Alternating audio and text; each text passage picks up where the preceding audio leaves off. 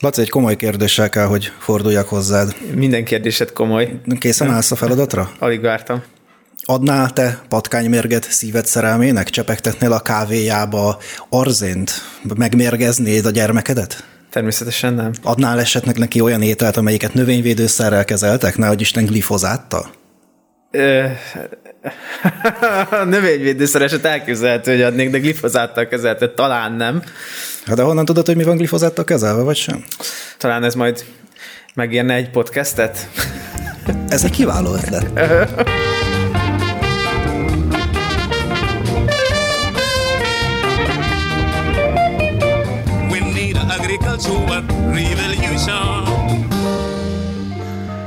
Sziasztok, ez itt a Fekete Technológia, én Ádám vagyok, és itt van még Laci. Hello! A glifozátról, illetve a glifozát kivonásról és a növényvédőszer kivonásokról fogunk egy picit beszélgetni növényvédős szemmel. Aki nem tudja, hogy mi az a glifozát, annak egy kis történeti áttekintő. Ugye a glifozát az egy totális gyomírtószer, ami azt jelenti, hogy minden egyes növényt képes gyakorlatilag kiírtani. Ezzel szemben vannak ugye a szelektív gyomírtószerek, amelyek valamilyen úton, módon, de mégsem azért az összes növényt írják ki. Na, hát ez totális, ez egy folyékony kapa. 40 éve használják ezt a szert, illetve akkor találták fel. Ez a Monsanto-nak egy licence, a Monsanto egy eléggé szomorú, vagy legalábbis érdekes emlékű cég, ugye a vietnámi háború alatt többek között az Agent Orange defoliáns szert is ők fejlesztették ki. Ez ugye arról szólt, hogy a repülőgépek a vietnámi dzsungel fölött szépen ezt az Agent Orange-ot kiszorták, a fák elhagyták a lombjukat, és lehetett látni a vietkongokat alatta. Na azóta a Monsanto azt hiszem valamelyik évben talán a világ leggonoszabb vállalatának is megszavazták. Úgyhogy hát a Monsanto a glifozát, szóval eléggé handicapes a szituáció jó. Igazából 2015-ben kezdett el elszabadulni egy kicsit ez az egész glifozát történet, akkor a WHO megállapította, hogy valószínűleg rákkeltő ez a történet. Az EU nem is vacakolt, 2016-ban 24 darab glifozát hatóanyag tartalmú szert vontak ki, 2019-ben Ausztria elsőként tiltja be az Európai Unióban a glifozátot. Ennek a Greenpeace nagyon örült, ami azért érdekes, mert egy szervezet, aminek a nevében benne van, hogy peace, nem tudom, hogy lehet ennyire békétlen. Aztán 2019-ben valaki non-Hodgkin Hodgkin linfómát állapították meg, ami egy nyirokrendszeri rák, na itt kezdődött el Isten igazából a glifozátnak a veszőfutása, és hát közben a Bayer a Monsanto-t megvásárolta, és azóta Bayer fizeti a Monsanto-nak a sarát, nem tudom hány millió perrel, hát nagyjából ez a glifozátnak a rövid, de velős története. Laci, esetleg valami hozzáfűzni való? Ez a Monsantos dolog nagyon mélyen szántó volt.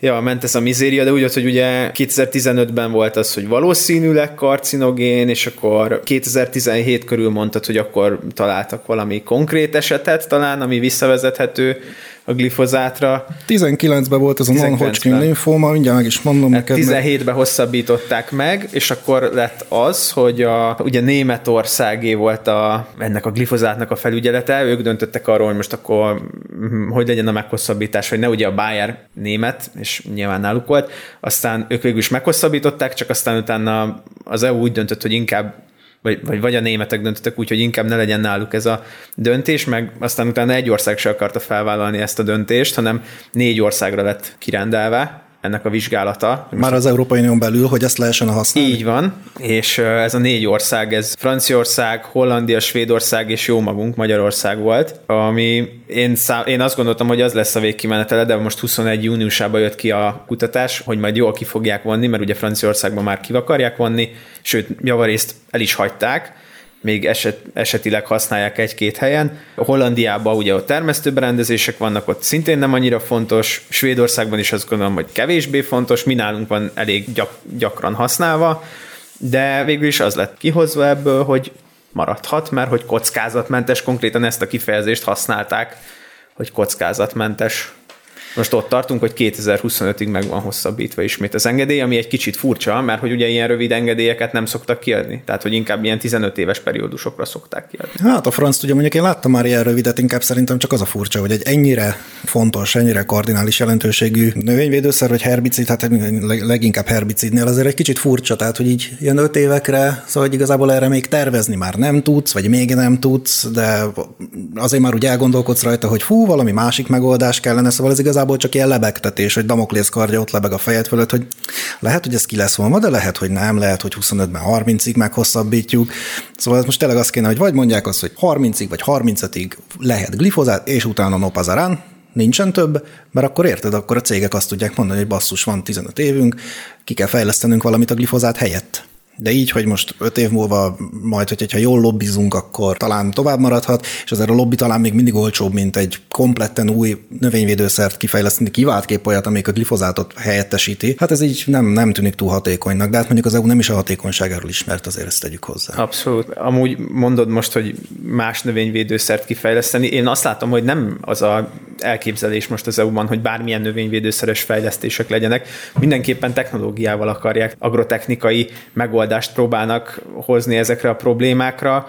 Például ugye én gyümölcsbe vagyok leginkább benne, gyümölcsbe az oldalazó talajmarás, ami megoldást jelenthet, ugye ez szőlőbe is szintén, csak ott meg kérdéses az, hogy most ugye, hogyha ötször többet kell rámenni traktorral a területre, akkor ott a gázolaj használat, meg a károsanyag kibocsátás megéri azt, hogy most egyszer vagy kétszer rámentél glifozáttal és még valami más hatóanyaggal? Hát arról nem beszélve ugye, hogy mondjuk, ha most telepítenek el egy ültetvényt, amit mondjuk nem úgy telepítenek el, hogy mi oldalazó talajmarással fogjuk ezt csinálni, hanem úgy, hogy hát mi növényvédőszeres, meg herbicides kezelésekkel fogjuk tisztán tartani a területet, akkor ugyanott tartunk annál, tehát minimum 15 évnél. Tehát most, amit eltelepítenek, az 15 év múlva, mondjuk ez növényfaj függő, de azért már lehet azt mondani, hogy már inkább kifelé fut az a nyúl az erdőből olyankor, persze mondom, ez nagy mértékben növényfüggő, tehát azért kéne adni egy ilyen átmeneti időszakot, mert amit most telepítettek el, és mondjuk rosszul telepítették el, azzal szívás lesz. Na jó, de most, hogy így ismerjük nagyjából a glifozátnak a helyzetét, meg a rémtetteit,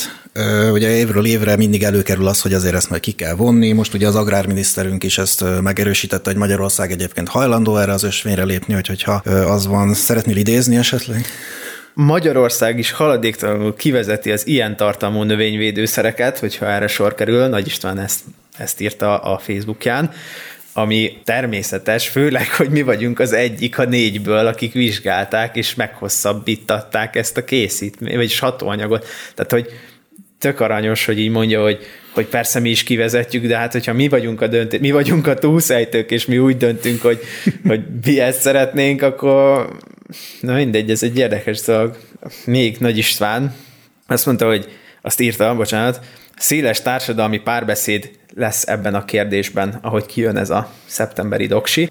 Ez nagyon helyes, véletlenül se szakembereket kérdezzenek I- meg, széles igen. társadalmi párbeszédre van szükség. Tehát, hogy én azt szeretném látni egyszer, hogy mondjuk úgy engedélyeztetnek egy gyógyszert, hogy előtte elmondják, hogy amúgy egy millióból egyszer vérzett a páciens szeme, néha, néha volt ájulás, és hogy szeretnék-e önök, kedves társadalom, hogy ezt engedélyezzük bárányhimlő ellen, és hogy erről én mondjuk nem szívesen döntenék, mert nem akarom vállalni érte a felelősséget. Hát bocsássuk népszavazásra mindjárt nem, de egyébként meg te akkor döntesz, amikor vásárolsz. Megveszed, vagy nem veszed meg, nem? Hát ez a te döntésed, amit meghozol. Hát minden vásárlási vote buy your coin, minden vásárlói döntéseddel hozol egy egy döntést, egy szavazatot. Hát akkor, hogyha te nem akarod, akkor nem veszed meg. Ennyire egyszerű. Egyébként erről Nagy István idézetről nekem egy Stálinnak tulajdonított idézet jutott eszembe. Nem, másokból, mint gondolod.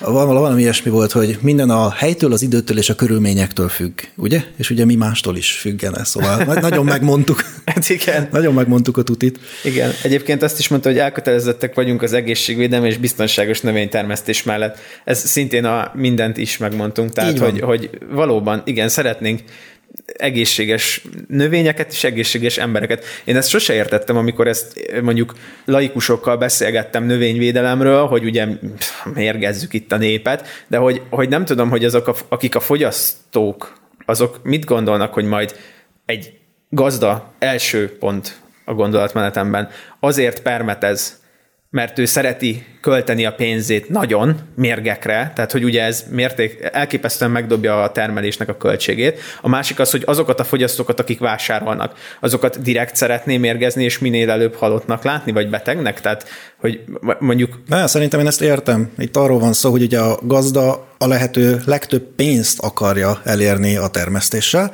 ezért ő kicsit megmérgezi a növényt, de hát ez egy cserébe sokkal több termés lesz, és utána ezt valahogy el kell kummantani, és úgy kell megetetni a fogyasztóval, hogy azért ez ne derüljön ki, hogy itt ez egy mérgező, de azért jó sok termés legyen, és jó sokat lehessen eladni. Tehát itt én inkább ezt, ezt, ezt, ezt látom itt a háttérben. Uh-huh.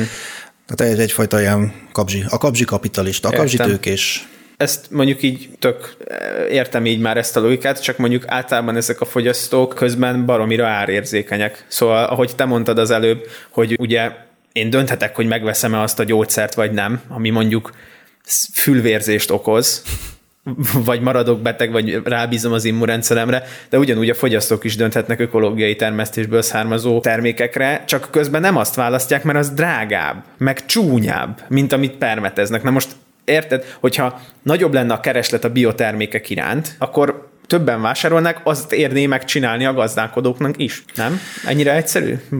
hát tudod, én ökóban dolgozom, az az igazság, hogy a boltokban én sem igazán keresem az ökoterméket, annak ellenére, hogy én szakma szinten egyébként relatív kevés növényvédőszert használok, mert hogy én ökológiai gazdálkodásban végzem a növényorvosi tevékenységemet. És engem is egyébként az ár az, ami visszatart. Tehát én egy, én egy árérzékeny fogyasztó vagyok, és nem igazán nagyon keresem az ökoterméket, és szerintem ez mondjuk Magyarországon jelesül legnagyobb részt így van.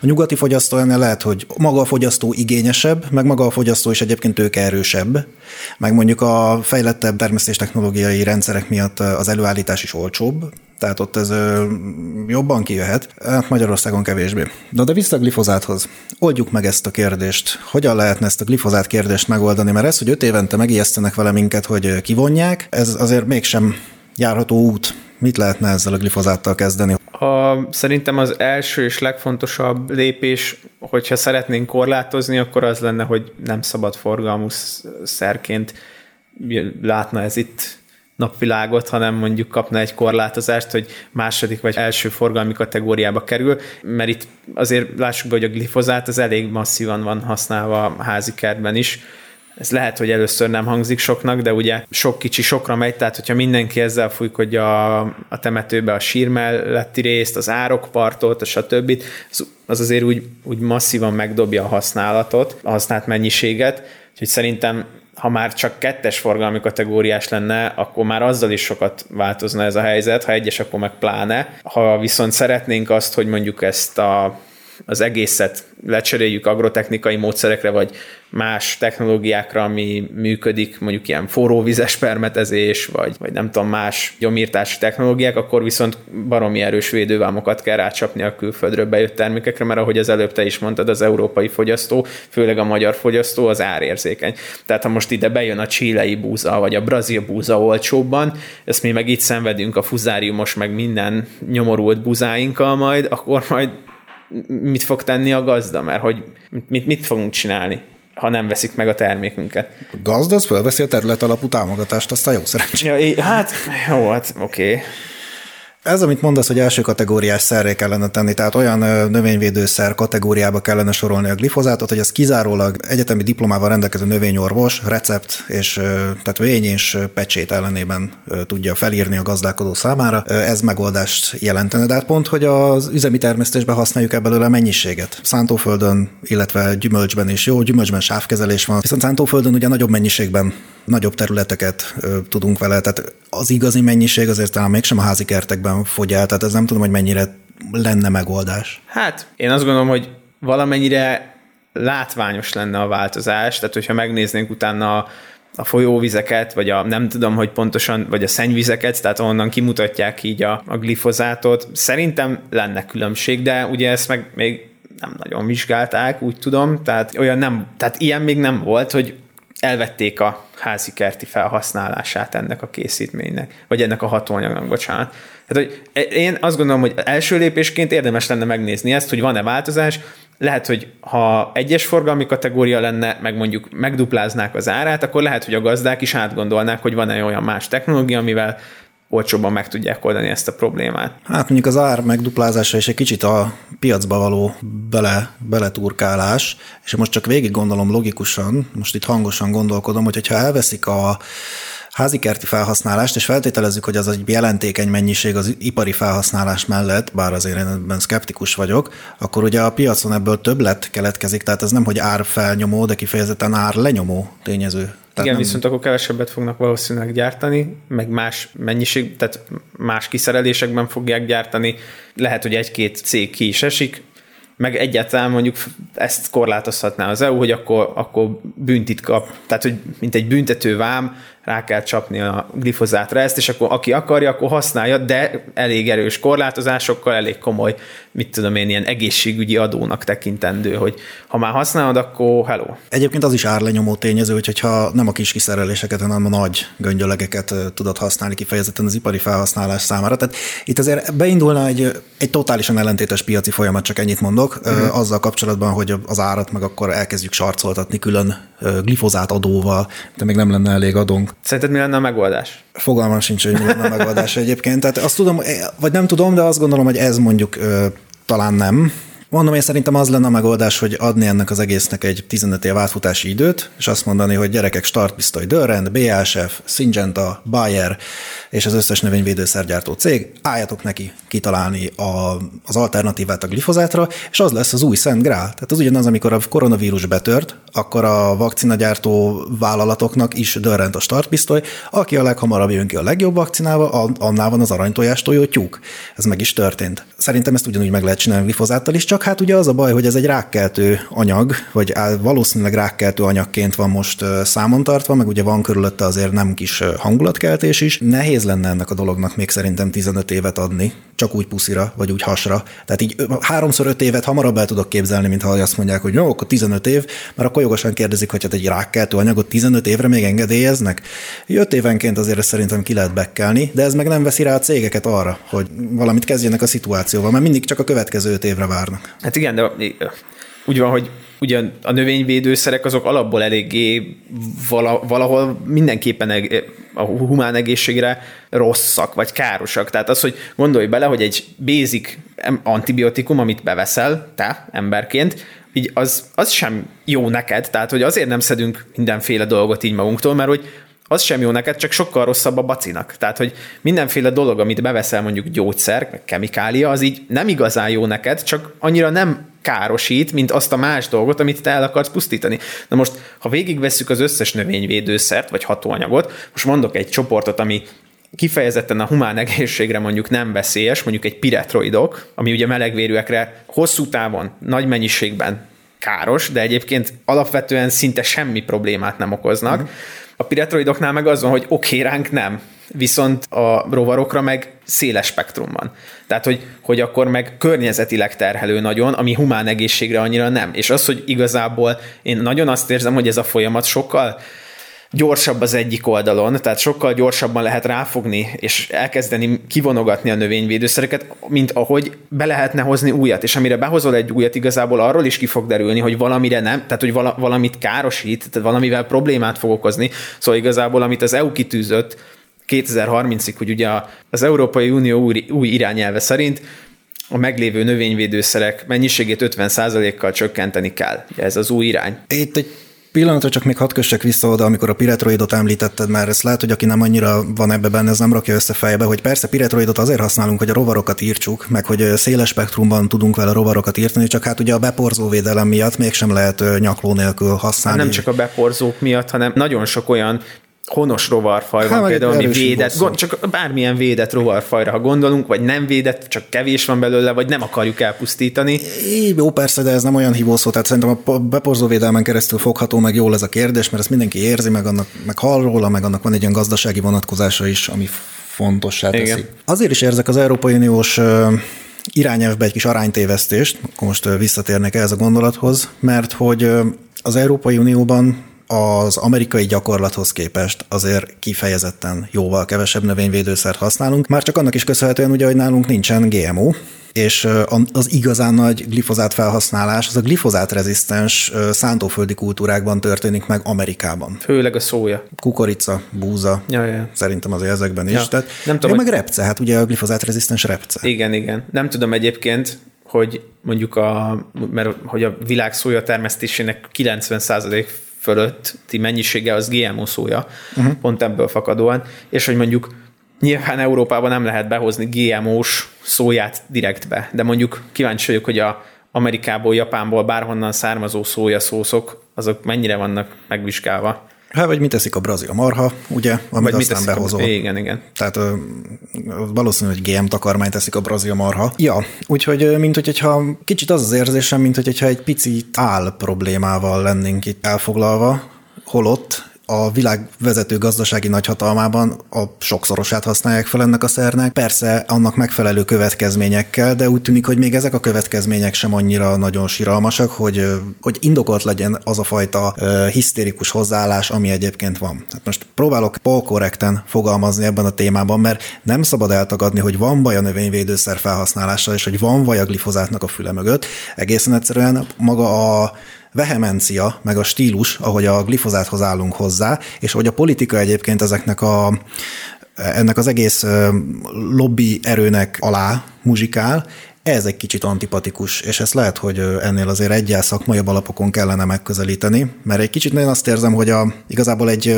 egy politikai lobbycsoport érdekei szerint jár el retorikában az Európai Unió, miközben az Európai Unió egyébként egy ö, neoliberális gazdaságpolitikát folytató kis nagy hatalom, amelyik szélsőségesen ki van szolgáltatva, az egyébként a nagyvállalatoknak, a lobby érdekeinek. Tehát itt van egy gyakorlat, meg van egy retorika, és a kettő így totálisan szétmegy egymástól. Ez azért jó lenne ennél egyen jobban összefésülni. Igen, és azt érzem, hogy tökre egyetértek veled, hogy sokszor felvetik ugye a problémákat, itt ez a glifozát probléma, és hogy vonjuk ki, meg csökkentsük a növényvédőszereket, de hogy mindig van egy varázsszó, hogy például a egyik ellenzéki politikus felhozta, hogy Nyugat-Európában, például a szúnyogoknál, a szúnyoggyérítést megoldják biológiai módszerekkel. És itt van a pont, és hogy de milyen biológiai módszerekkel, azt ő már nem fejti ki, utána lehet menni. Egyébként a szúnyoggyérítést ezt uh, nyilván ahol a GMO engedélyezve van, ott, ott hímsteril módszerrel oldják meg valószínűleg, tehát hogy mesterségesen létrehoznak steril hímeket, ezt kiengedik a populációba, ami így összeomlik, mert hogy ugye nem keletkeznek utódok. Európában pedig BT toxinnal oldják meg, de a BT toxint azt nem lehet agyba főbe tolni, mint egy általában valami piretroiddal szoktak kezelni ezeknél a repülős szúnyogírtásoknál, hanem mondjuk ilyen pangóvizeket kezelnek, de azt is előtte felvételezni kell, hogy van-e ott szúnyoglárva. Valószínűleg van, de tehát, hogy, hogy ez egy baromi nagy költség többlet, amit rá kell költeni arra, hogy kiküldesz embereket, akik értenek hozzá, és utána lekezelik valami természetes anyaggal, de hogy jó, ennek utána lehet nézni, de sokszor azt érzem, hogy nem adnak mást a kezedbe, és nem feltétlen kell arra gondolni, hogy mondjuk növényvédőszereket kell újra feltalálni, vagy, vagy, vagy behozni a termesztésbe, hanem lehetnek más technológiák. Hogyha elkezd kicsit utána olvasni az ember, akkor ugye például ezt a, az oktatást is felszokták hozni, hogy, hogy a gazdálkodók, vagy a, vagy a civilek, bárki, hogy megmutatni nekik egyéb dolgokat, amiket lehet használni. Ugye itt most pont az ag- agrotechnikai módszereket hoztunk fel, de hogy konkrétan például itt, amikor a, a Magyar Madártani és Természetvédelmi Egyesület vagy a Greenpeace felhozza a dolgokat, akkor ők nem azt mondják, hogy ez rossz, és ezt kellene csinálni, vagy ezek az ötletek vannak, itt van 20 link, hanem azt mondják, hogy például, hagy idézzek a Magyar Madártani és Természetvédelmi Egyesülettől, a glifozát kivonása mind az emberi egészség, mind az élővilág védelme szempontjából elengedhetetlen, és számítások szerint csak minimális kárt okoznak a gazdálkodóknak. Na, itt volt egy link, rá is mentem, nem úgy, mint szerintem sok gyanútan olvasó. Tippelj, hogy milyen kultúrában ö, vizsgálták a glifozát elhagyását, A tippem pedig, ö, csak egyet tippelhetek? Biokankalin. biokankalin, nem, szilás kukorica. Ó. Oh. Tehát, hogy azért egy szilás kukorica és mondjuk egy alma, alma ö, gyomírtása így merőben más, vagy egy cukorrépa, vagy egy szója. Tehát, hogy Oké, okay, de erre még várjál, mert ráfeljárt ez az egyesület, mert ők azt mondják, hogy Magyarország ne támogassa a glifózát újbóli uniós engedélyezését, stb. stb. erre kérik, és hogy a, nyilván a parkok, játszóterek töltéseket ne, de még azt is mondják, hogy a vasút vonalak mentén se használják. Erre EU, az EU-ban van már ö, jó megoldás, forró vizes kezeléssel elpusztítják a gyomokat a vasutak mentén, meg ha új vasutat hoznak létre, akkor ugye ott már lehet esetleg ilyen preventíven is előre gondolkozni, hogy valami olyan takarást raknak a vasúti töltésre, ami nem engedi a gyomok kelését, de hogy szerintem ez egy ilyen ismét egy nagyon hirtelen döntés, tehát hogy, hogy a vasutaknál lenne szerintem a, a legutolsó, ahol ki kellene vonni, tehát hogy egy picit azért hagyjunk már ott több időt, mert hogy itt, itt elég nagy problémák keletkezhetnek. És alig várom már, hogy 2040-ben vagy 2050-ben legyünk, amikor ivóvízválság lesz Európában, és akkor majd mondják, hogy micsoda forró vízzel gyomírtani, hülye vagy. Igen, igen, igen. Itt igen. ez a locsol, hát locspocsozod a vizet, hát ne vicceljél már velem. Öm, továbbra is nagy problémája ennek az egésznek, hogy nem nagyon igazán érzem azt, hogy szakmai alapon zajlik. Közben én is megtaláltam ezt a Greenpeace-es oldalt, amit mondtál itt a szilás kukoricával.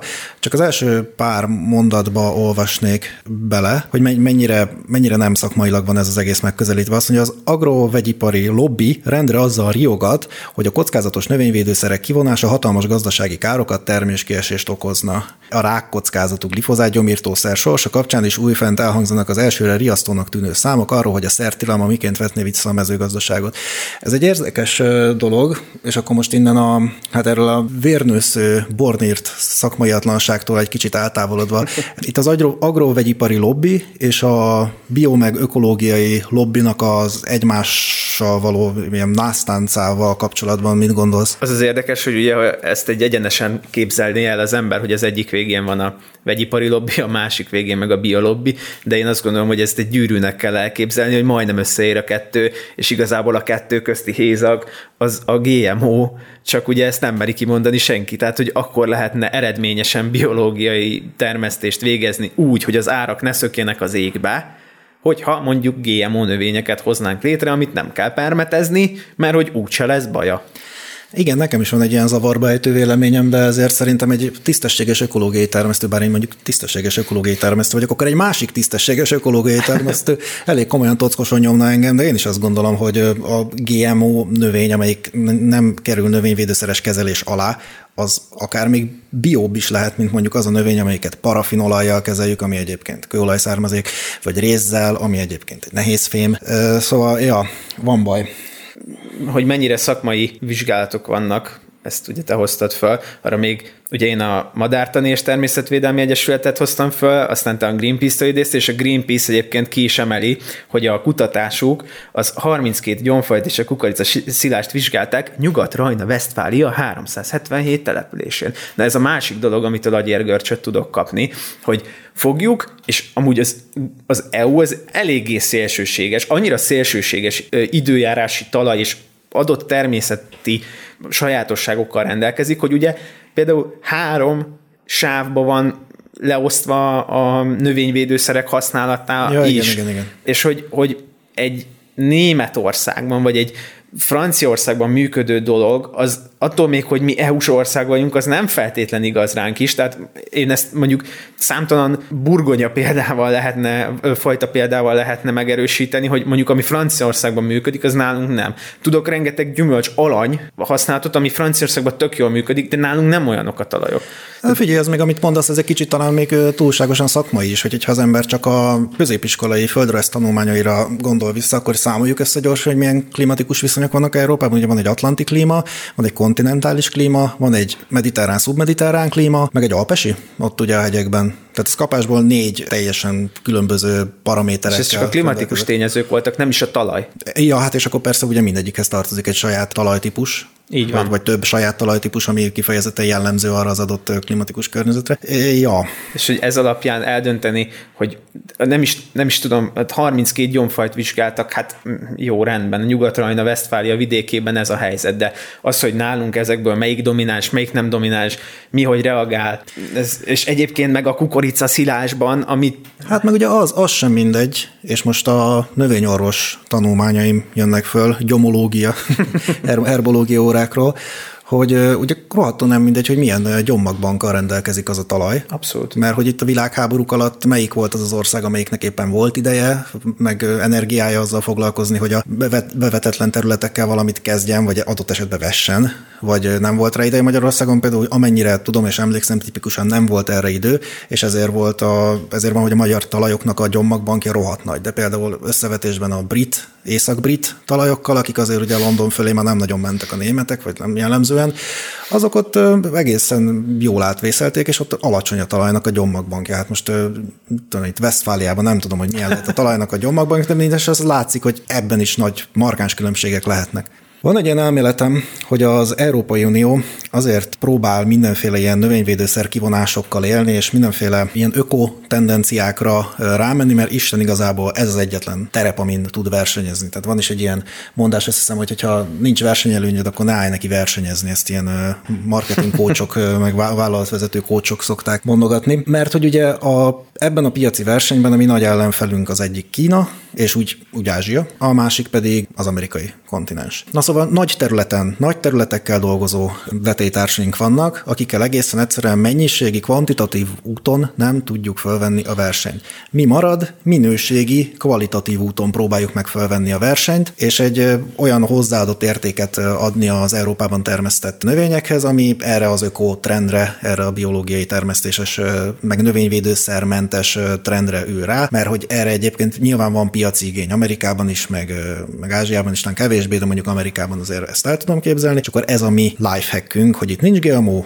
öko van, nincs növényvédőszer, vagy egyre kevesebb van. Tök jó, szerintem ezt tök szépen összefoglaltad, meg nagyjából azt érzem, hogy így a glifozátos dolgot azt átbeszéltük, meg így értjük ezt a gyomos problémát, de szerintem amúgy nem is feltétlenül itt a gyomokkal van az elsőleges probléma, hanem azzal, hogy most mondjuk itt volt ez a kukorica szilás, de hogy ne a kukorica szilást vegyük példának, hanem vegyünk példának olyan kultúrákat, mint mondjuk a megy, vagy nehe, nehezen megoldható növényvédelem nélkül egy repce, hogy vegyünk már olyan kultúrákat elő, amikre ugyanúgy vonatkozni fognak a jogszabályok, meg ugyanúgy a szerkivonások, ugye a megybe ez már érződik, hogy azoknál a kultúráknál, és nem a gyomírtóknál, hanem mondjuk gombaölőszereknél, fungicideknél, vagy repcében mondjuk inszekticideknél, rovarölőszereknél, ott mi lesz a helyzet? Tehát, hogy, hogy abba belegondolt valaki, hogy nem kevesebb lesz, és nem drágább lesz mondjuk egy ökológiai termesztésből származó megy, hanem lesz olyan, hogy nem lesz. Tehát, hogy érted, amit mondani akarok, uh-huh. hogy például a repce termesztés biológiaiban megoldható, láttam egy svájci videót, amiben két hektáron termesztettek repcét. Na most alapvetően itt most nem ez történik, tehát, hogy nem tudom, hogy ki akar majd prémium öko repceolajat fogyasztani, és amikor majd elkezdődik mondjuk nagy mennyiségben a repceolaj helyettesítése napraforgóolajjal, az mennyire lesz nekünk jó, mennyire lesz rentábilis, mi lesz ez ezekkel a egyéb kultúrákkal, és mi lesz ezekkel a szerekkel? Hát meg eleve szerintem szántóföldi kultúrában azért ezt úgy megnéznék erről egy üzleti tervet, hogy mennyire ér- érheti meg. Mert nagy hozzáadott értékű kertészeti kultúrában mondjuk üvegházban termesztett kajszín, amit egyébként ugye Olaszországban csinálnak, ott el tudom azt képzelni, hogy akkor azt az üvegházat már úgy csinálják meg a szellőztető rendszert, hogy akkor oda gomba se kisebe, meg belépéskor is le kell porolnod magadról a levéltetvet, hogy ne, jusson be semmi. Na ez egy nagy hozzáadott értékű dolog. Azt el tudom képzelni, hogy ott benn mondjuk a klimatikus viszonyokat, a páratartalmat, a vízmennyiséget, azt mindent szabályozni tudsz, de cserébe mondjuk nem nagyon kell növényvédőszeres kezelést végrehajtanod, mert effektíve nem engeded be ezeket a dolgokat.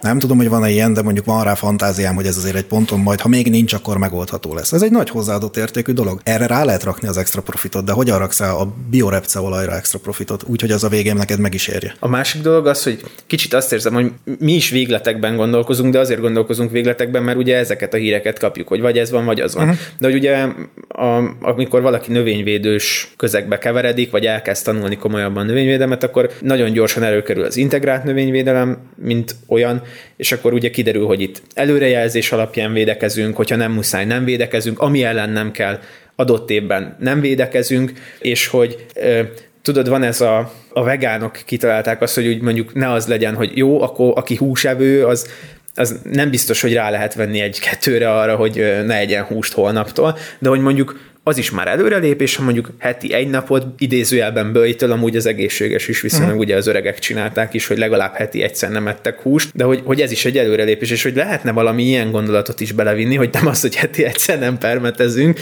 hanem valami olyasmi gondolatot, hogy kicsit észszerűbben, és az sem feltétlen az, amit az EU kitalált, hogy akkor 50%-kal visszavesszük a növényvédőszer használatot, hanem mondjuk azt mondani, hogy ipari növényeknél nem tudjuk egyelőre megoldani, repcében egyelőre nem tudjuk megoldani, de ebbe, meg ebbe, meg ebbe a kultúrába simán meg tudnátok oldani agrotechnikai módszerekkel, és akkor oldjátok meg Léci, és adunk egyébként ötletet, adunk technológiát, megtámogatunk titeket a kiesés miatti plusz jövedelemmel, vagy, vagy bevétele, vagy költség, vagy tök mindegy, érted?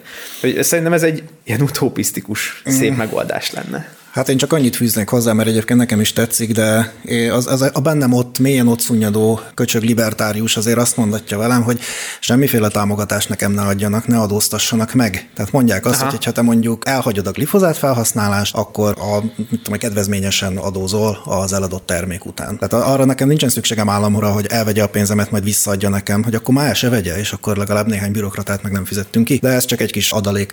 A másik problémám nekem ezzel a nagy ökohullámmal, vagy nem is problémám, hanem inkább félelmem, de ez most csak így logikailag tudom levezetni, nem tudom, hogy ebben egyébként tényleg van-e szakmai tartalom, csak az én fejemben ez egy ilyen állandó gondolat, amitől nem tudok szabadulni, hogyha csökkentjük szándékosan és előre megfontolt szándékkal a saját hatékonyságunkat gyakorlatilag, tehát ugye fenntarthatóbbá akarjuk tenni saját magunkat, csökkentjük a hatékonyságunkat, ez azt jelenti, hogy egy adott területről nem több, hanem kevesebb terményt tudunk lehozni. Értelemszerű, hogy ha egy adott területet nem tudunk olyan jól megvédeni, mint előtte, mert mondjuk kivontak egy szert, vagy van egy direktíva, hogy csak fele annyi kezelést tudunk csinálni, akkor arra a területről értelemszerűen kevesebb betakarított dolog lesz.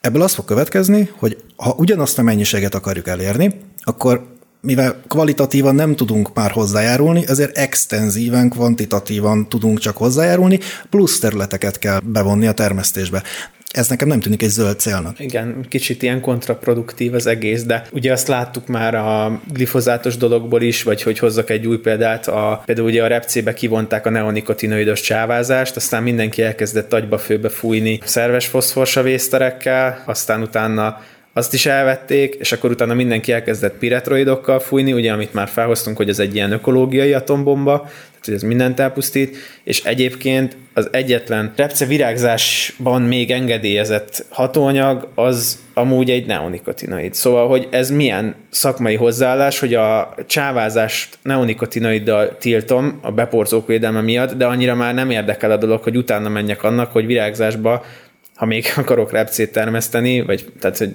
ja, akkor, akkor ott is neonikotinoid és hogy azt is ki kéne vonni. Vagy nem, nem tudom, tehát azt érzem, hogy full... Az, koncepciótlan. Az, az a lényeg, hogy, hogy ezzel tömegeket meg lehet szólítani, de hogy igazából ennek nagy szakmai háttere lenne, azt abszolút nem érzem, és mondom, az a furcsa, hogy ez a növényvédőszerekkel megy, de így a gyógyszereket, azokat így véletlenül sem merjük megkérdőjezni. Ugye ez is egy mérlegelendő dolog, és én nem tudom, hogy ezeket bárki végig gondolja de ha igen, akkor jó lenne, hogyha ezekről néha úgy valami szakember megszólalna a politikában. Hogy lenne róla egy podcast. Ja, például. hogy hogyha csökkented a felhasználható növényvédőszereknek a körét, akkor ezzel a maradék meglévő növényvédőszernek a felhasználását növeled, automatikusan, nyilvánvalóan, ami egy rohadt nagy rezisztencia faktor. Igen. Tehát rohadtul könnyen ki fognak alakulni a rezisztens törzsek. Talán te mesélted, hogy a megyben most csak te bukonazol mert hogy a mankocebet kivonták, és csak ilyen azolok vannak, vagy hogy van ez triazolok? Igen, igen, ilyen, tehát maradtak a triazolok, még maradt egy, még maradt egy kontakt, de az annak kérdőjeles bizonyos betegségekre a hatása, tehát e, igazából főleg triazolok vannak, aminél nagyon nagy a rezisztencia kialakulásának a veszélye, amúgy így az összes kertészeti kultúrában a másik nagy csoport azok a strobidulinok, amiknél szintén nagy a rezisztencia kialakulásának a veszélye, ezt a kettőt szokták keverni, na most ez megint nagyon jó, baromi drágák, nem, nem igazán látom, és ugye most a, a, a megoldást, és az, hogy ugye nem csak hogy az van, hogy kevesebb a készítmény, hanem most az a, az a cél, hogy ugye a meglévőket meg kevesebbszer lehessen használni. Na most, hogyha egy kezelés nem használ, akkor, akkor minek, minek végezzük el egyáltalán azt is, nem? Sőt, hát meg pontosan ez okozza a rezisztenciát. Amikor kiuttatod a növényvédőszert, és vannak túlélői Igen. ennek az egésznek, na hát ő belőlük alakulnak ki a rezisztensek. Ugye, hogyha ezt csak mondjuk az ember a saját hétköznapi tapasztalatainak a szintjén akarja megérteni, ezért van az, hogy az orvos, már amelyik lelkiismeretes, amikor antibiotikumot ad, akkor a lelkedre köti, hogy szed végig. Ezt nem azért kell végig szedni, mert ki ez a a fixe ideája, hanem azért, mert hogyha nem szeded végig, és marad az antibiotikumos kezelésben túlélő, akkor ő belőle kialakulhatnak rezisztens törzsek, tehát hosszú távon. És akkor hiába szeded már. És akkor utána meg már hiába szeded. Na hát ugyanez van, hogy most egy kezelés, és akkor ami túlélte, az potenciálisan onnantól kezdve lehet, hogy egy rezisztens törzs. Gyakorlatilag kitenyésztjük a rezisztens törzseket. Igen. Ahogy ezeket a szuperbaktériumokat is kitenyésztjük, meg szuperorganizmusokat az antibiotikum, felelőtlen antibiotikum használattal.